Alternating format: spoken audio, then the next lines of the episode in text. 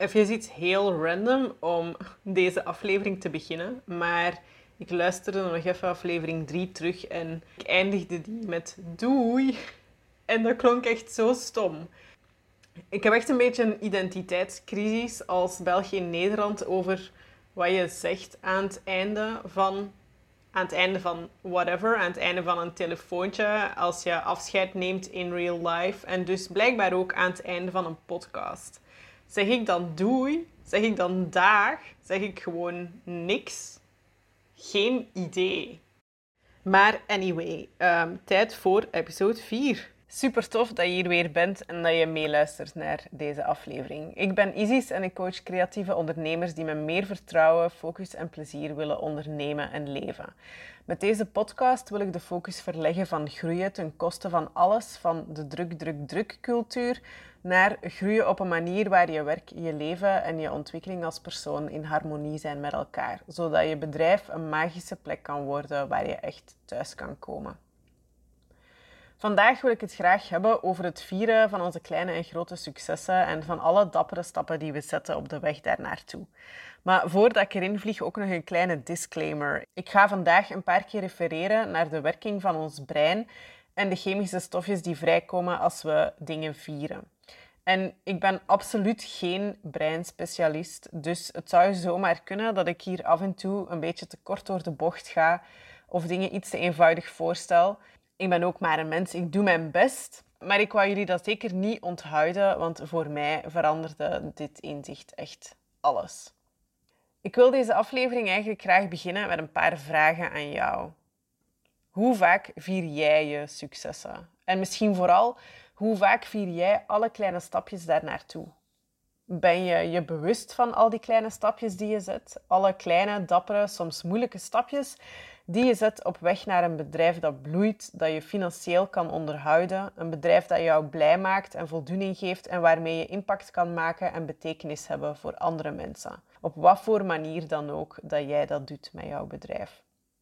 Volgens mij vertel ik geen leugen als ik zeg dat we allemaal, allemaal onze successen en de kleine stappen daarnaartoe veel te weinig vieren.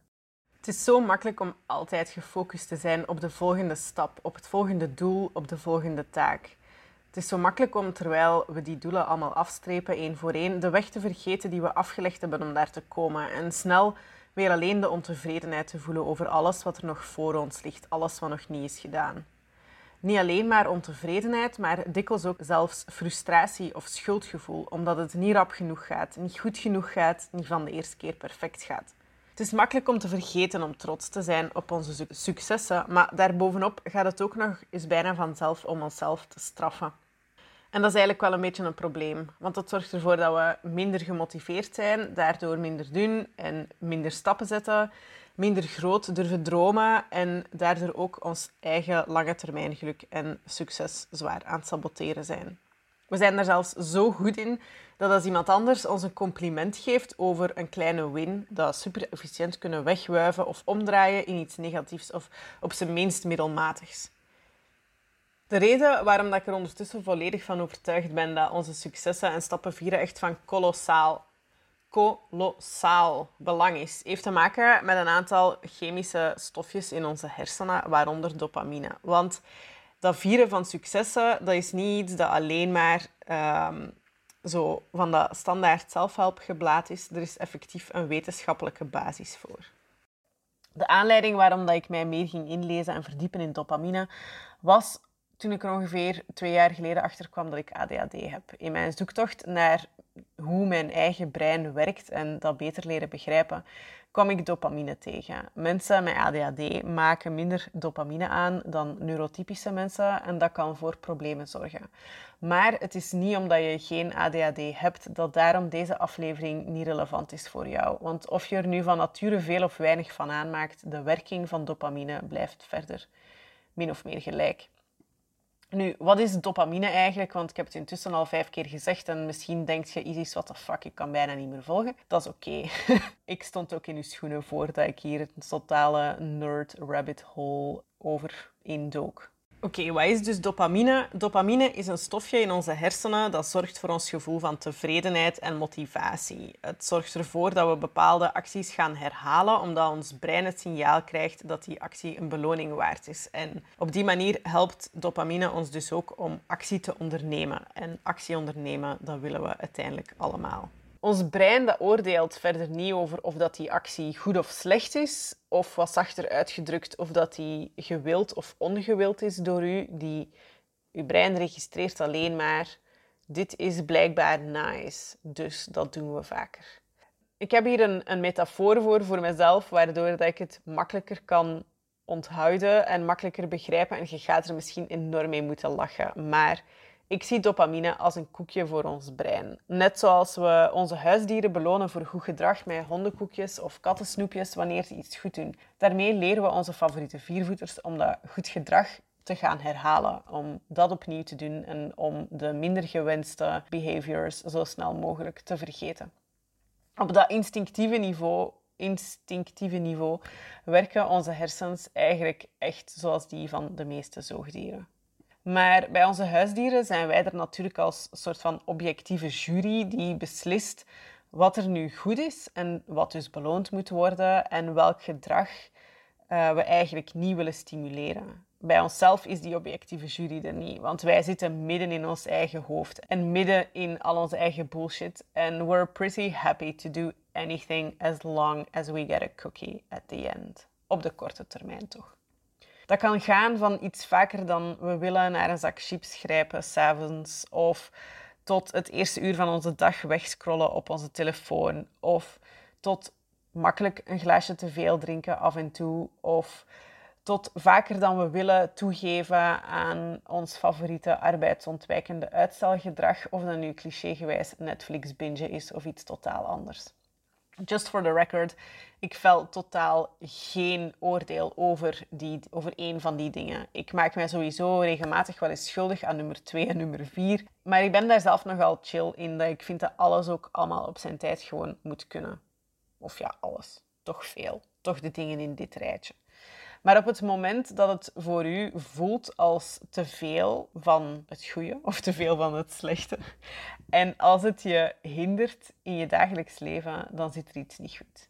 Het is ook niet zo verbazingwekkend dat grote bedrijven, marketingbureaus, ontwerpers en social media en ja, ook filmproducenten heel gretig gebruik maken van onze gretigheid naar dopamine. Social media en films die zorgen ervoor dat we veel prikkels krijgen, dat onze nieuwsgierigheid wordt gestimuleerd. En um, zeker in films heb je ook nog altijd het verrassingseffect dat ons altijd laat hongeren naar meer. En al die dingen die zorgen ervoor dat wij in onze hersens dat er een opeenvolging van dopamine vrijkomt. En um, oké, ik merk dat ik nu intussen al zo grofweg toch een dikke vijf minuten aan het lullen ben over dopamine dit, dopamine dat. Um, je denkt nu misschien, Isis, wat heeft dit allemaal te maken met het vieren van uw kleine stappen? Maar dit is waar het interessant wordt. Want als Instagram onze hersens kan leren om te blijven scrollen, ook al weten we dat we dat eigenlijk niet willen, dan kunnen wij ook onze hersens herprogrammeren om juist meer te doen van wat we wel willen. Het meest ironische van alles is nog dat we geven onze hersens dus ook koekjes voor het slechte, slechte tussen aanhalingstekens, tussen grote aanhalingstekens, uitstelgedrag en geen koekjes voor de goede dingen. Want ja, dat vieren, dat doen we gewoon allemaal veel te weinig. Dat stilstaan bij alle achievements, alle doelen die we bereiken, dat doen we veel te weinig. Maar we verwachten wel van onszelf dat we altijd het juiste gedrag vertonen. We zijn kwaad op onszelf als we weer aan het uitstellen zijn. We raken gefrustreerd als we weer te laat in bed liggen omdat we te lang hebben zitten Netflixen. En als je dat nog even terug naar de huisdieranalogie.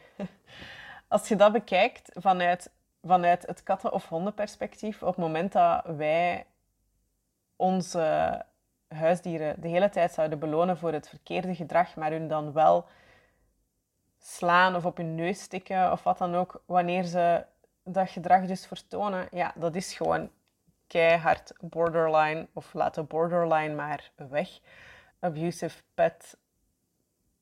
Sorry, ik zit verward in mijn Engelse zin. Dat is eigenlijk gewoon, dan zijn we een borderline abusive pet owner aan het zijn. En als je dat op die manier bekijkt, ja, dan zijn we eigenlijk best wel vreed voor onszelf en best wel hard voor onszelf. En is het ook niet zo moeilijk dat we daar een beetje van in de war geraken. De eerste stap eigenlijk is ja, bewustwording. Is om te herkennen dat we die stappen maken, dat we dingen doen, dat we onze grenzen verleggen, dat we uit onze comfortzone gaan, dat we bijleren, dat we groeien. Om daar ons meer bewust van te zijn en om te erkennen hoe belangrijk het is om al die dingen te vieren. En dat dat niet zomaar uit de lucht gegrepen is en dat daar een stukje neurowetenschap achter zit die dat mega hard ondersteunt. Dat kan ook helpen, tenminste voor mij deed, doet dat dus wel echt. helpen om het stukje, ja, maar verdien ik dat wel? Verdien ik die beloning wel? Om dat een stukje los te laten. Want op alle rationele manieren verdient iedereen dat. en dat weten wil natuurlijk nog niet automatisch zeggen dat daarom alle mentale blokkades die in de weg zitten ook vanzelf opgelost zijn, maar het kan wel een mega grote stap vooruit betekenen. En het kan er ook voor zorgen dat het juist makkelijker wordt om die mentale blokkades ook langzaamaan, stukje voor stukje, uit de weg te ruimen. Erkennen en vieren dat je dingen verwezenlijkt, dat je stappen zet, helpt je brein, helpt je brein om een sterkere connectie te maken tussen de verwezenlijking die je aan het vieren bent en alle tussenstappen en gedrag en mindset. Basically alles wat jij doet om ervoor te zorgen dat je daar gekomen bent. Op het moment dat we iets gerealiseerd hebben of verwezenlijkt hebben en we nemen niet de tijd om dat te vieren, dan bestelen we ons eigenlijk, onszelf eigenlijk een beetje. Dan ontnemen we onszelf van een belangrijk gevoel, van dat gevoel van voldoening en blijdschap dat ook ons succes versterkt. Onze successen vieren, dat voelt niet alleen maar gewoon fijn in de fysieke zin van het woord, maar dat versterkt ook de, ja, dat versterkt onze, onze attitudes en onze gedragingen die we nodig hebben om ook onze toekomstige uitdagingen, om die ook aan te gaan en om kansen te zien. Als we dat niet vieren, al die successen, dan trainen we eigenlijk onze hersens om te, te registreren dat wat wij aan het doen zijn, al die stappen die we zetten, al die moeite die we daarin steken, al die energie, al die zelfontwikkeling ook even goed, dat dat eigenlijk allemaal niet zo belangrijk is. En dat dat niet zo spannend is. Dat, onze, dat we dat eigenlijk mogen negeren. En dat niet vieren, dat zorgt uiteindelijk in de long run dat we minder focus hebben en minder motivatie. En dat we daardoor ook minder goed presteren. En het is niet zo dat, je, dat we altijd maar aan het presteren moeten zijn. Maar het is wel fijn om te kunnen presteren op het moment dat dat ook nodig is en om onszelf dan daar ook voor te kunnen waarderen. Hoe word je jezelf meer bewust van en krijg je meer aandacht voor al die kleine stappen die je zet? Uh, want het kan heel goed zijn dat daar voor jou juist het probleem zit, dat dat is wat een beetje je blinde vlek is. Um, voor mij wat daar echt het beste bij helpt, is om al die dingen op te schrijven. Uh, en om dat ook echt op dagelijkse of in elk geval maandelijkse basis te doen. Um, gewoon elke dag kijken van oké, wat heb ik vandaag gedaan? Wat is er vandaag gebeurd? En misschien, ik wil ook niet overdrijven, misschien dat er niet elke dag iets is gebeurd waarvoor dat je nu denkt van oh ja, wauw, dat was een mega succes. Maar ik probeer daar ook wel in iets bredere, in, ja, iets bredere zin over na te denken. Bijvoorbeeld Um, wat zijn dingen die ik, uh, waar ik eigenlijk tegenop aan het kijken was en die ik toch gedaan heb um, vandaag? Wat zijn er uh, dingen waar ik mezelf eigenlijk wel een beetje dankbaar voor ben? En dat kan ook zitten in juist dingen die juist het niet-werk zijn. Bijvoorbeeld door mezelf een pauze te gunnen midden op de dag. Of, um, of uh, vroeger te stoppen en voor een lange wandeling te gaan. Ehm, dus door dat, ja, door dat echt op te schrijven en dat bij te houden. Want al die kleine dingen, die vergeten we dan. Als we dan niet, tenminste, voor mij is dat zo. Als ik dat niet opschrijf, dan ben ik dat ook vergeten. Dan kijk ik aan het eind van de maand terug en dan denk ik, ja, ja, is kind, wat heb je eigenlijk gedaan deze maand? Ja, het was, het was weer geen vette. Terwijl op het moment dat die dingen zich voordoen, dat opschrijven, dat zorgt ervoor dat je op het eind van de maand terugkijkt en denkt, oh wauw, dat was eigenlijk echt een goede maand. En door daar een, echt een gewoonte van te maken, om daar, om daar bewust bij stil te staan, elke dag, elke week, is veel makkelijker om daar ook bewuster van te worden, om dat ook beter te zien, ook op de langere termijn. En door het elke dag te doen, ja, wordt het ook gewoon elke keer makkelijker. Die maandoverzichtjes bijhouden, die helpen mij ook met op het einde van het jaar terug te kijken naar mijn jaar en te zien welke, alle, welke kleine dingen ik allemaal gedaan heb, die ik anders op dat moment me nooit meer zou herinneren. Ik kan dan terugkijken naar wat heeft er gewerkt, wat heeft er minder goed gewerkt, wat, is er, wat was er echt super, super leuk, wat was er achteraf bekeken minder leuk of leuk voor één keer, maar niet noodzakelijk voor herhaling vatbaar. Je kunt daar zoveel uit leren, maar ook de weg die je hebt afgelegd wordt zoveel zichtbaarder. En voor mij geeft dat zo enorm veel meer voldoening. En dus dopamine. Voor mij is op die manier dankbaarheid hebben naar jezelf is nog bijna belangrijker dan dankbaarheid hebben in het algemeen. Want zo de gratitude um, practice, dat is iets waar de, de laatste tijd heel veel, ja, heel veel over gepraat wordt. Of waar je, dat je dikwijls tegenkomt. En um, dankbaarheid is uiteraard mega belangrijk. Maar ik denk dat wat we daar dikwijls vooral ja, wat we daar dikwijls in vergeten, is dat dankbaar zijn naar jezelf toe daar ook een mega, mega belangrijk onderdeel van is. De tweede stap is om te experimenteren, om manieren te vinden om te vieren op een manier die voor u betekenisvol is. Want dat vieren dat kan er op heel veel, dat kan heel veel verschillende gedaantes aannemen. En niet alleen maar een feestje in de klassieke zin van het woord, obviously. Of niet alleen als je jezelf belonen met eten of snoep of drank. um, dat kan eruit zien als langer slapen of vroeger gaan slapen, als gaan sporten, als naar muziek luisteren, als een boek lezen, als mediteren, als tijd in de zon doorbrengen, um, als lekker en gezond eten en de tijd nemen om rustig uitgebreid te koken. Al die dingen zijn sowieso dingen die op een natuurlijke manier de productie van dopamine ook nog eens versterken. Dus dat is sowieso allemaal mega goed. Ik heb drie favoriete manieren om mijn kleine en grote successen te vieren. Het eerste daarvan is door het te delen met anderen, door erover te praten. Iets super simpels als gewoon een high five of een knuffel of uh, de glimlach op iemand anders zijn gezicht of een klein hell yeah gilletje kan echt al mega veel doen en een, ja, echt een feestelijk kantje geven aan, aan een, klein, uh, een kleine win. Het moet dikwijls niet groot zijn. Kleine dingen zijn, zijn ook echt al super krachtig.